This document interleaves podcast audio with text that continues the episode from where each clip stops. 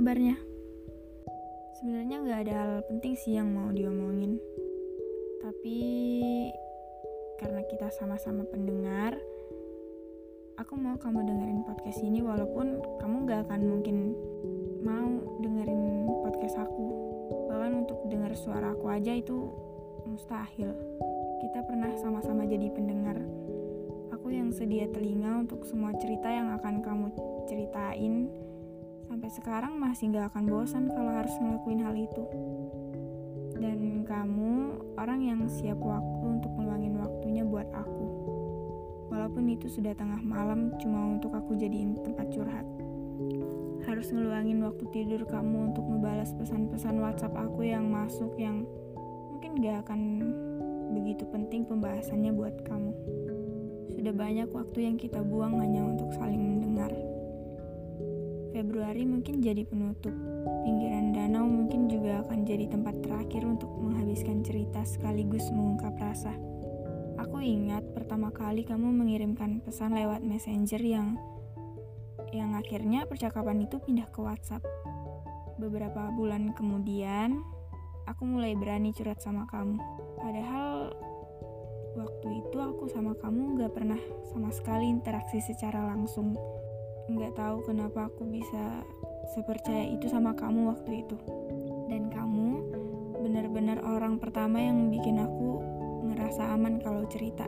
Dan di hari itu aku mulai nanamin kepercayaan kalau laki-laki itu gak ada yang sama. Tapi kalau diingat-ingat tentang kejadian kemarin, kamu sendiri yang mematikan kepercayaan itu. Ini sudah bukan patah lagi, tapi mati. Mati dalam artian mungkin gak akan hidup kembali. Ya nggak tahu deh kalau ada yang mau ngidupin lagi. Aku juga ingat tahun lalu kamu bilang ke aku kalau kamu pernah suka sama aku suka sama sifat aku yang aku sendiri nggak tahu sifat aku yang mana yang kamu maksud. Sebenarnya waktu itu aku juga mau bilang kalau aku pernah suka sama kamu dan masih sampai detik itu. Tapi aku tunda karena aku pikir pasti masih ada cerita tentang kamu selanjutnya. Dan aku nggak mau ketinggalan cerita itu. Jujur di beberapa kali pertemuan itu sebenarnya aku mau banget bilang kamu sadar gak sih, orang yang aku suka, yang aku ceritain ke kamu tanpa aku kasih tahu namanya itu kamu. Kamu sendiri orangnya. Tapi aku masih belum yakin waktu itu. Sampai di Februari kemarin, kayaknya benar-benar jadi penutup di antara aku dan kamu. Penutup cerita serta rasa yang pernah ada. Di akhir itu kamu bilang, kalau ada apa-apa kabarin aja.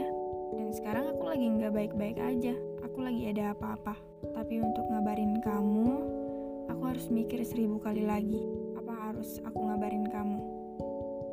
Apa mungkin aku harus ngirimin pesan-pesan WhatsApp kayak sebelumnya lagi ke kamu? Bahkan di waktu tidur yang harusnya kamu tidur, tapi kamu harus dengerin cerita aku. Gak mungkin, gak mungkin lagi kalau untuk sekarang, karena kamu sendiri udah ngapus kontak aku.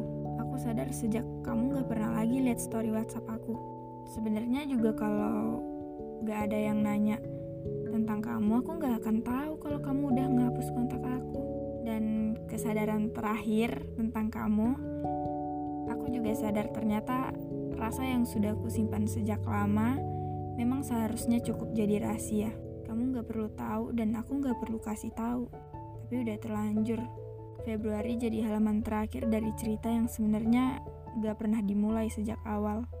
Aku rasa terima kasih saja sudah cukup untuk menjadi penutup. Terima kasih atas waktunya yang banyak aku sita. Terima kasih kepada telingamu yang siap sedia menjadi pendengar yang bijaksana.